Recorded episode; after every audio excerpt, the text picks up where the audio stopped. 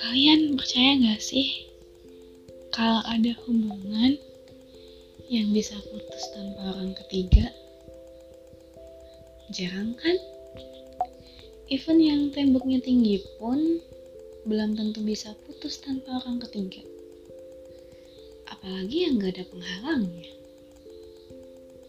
Makanya, ketika hubungan yang gak ada penghalangnya tiba-tiba putus gitu aja, hanya karena keadaan, gak make sense kalau gak ada faktor lain di belakang itu. Ya, sebagian besar hubungan putus karena adanya orang ketiga.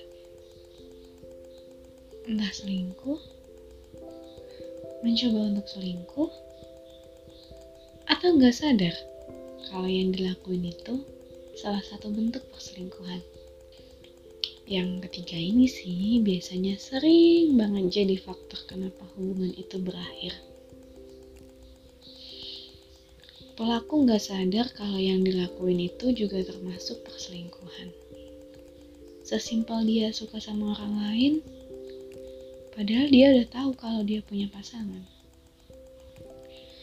Kalau di suatu hubungan, salah satunya udah naruh hati ke yang lain, ya akhiri dulu hubungannya. Bukan deketin yang lain, tapi pasangannya diumbar gitu aja. Kalian sadar gak sih?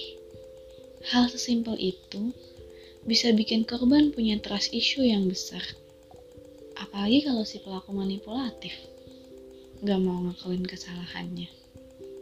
Sampai kapan pun, walaupun hubungannya udah berakhir, hal itu bisa jadi faktor terberat kenapa si korban belum bisa selesai sama masa lalunya.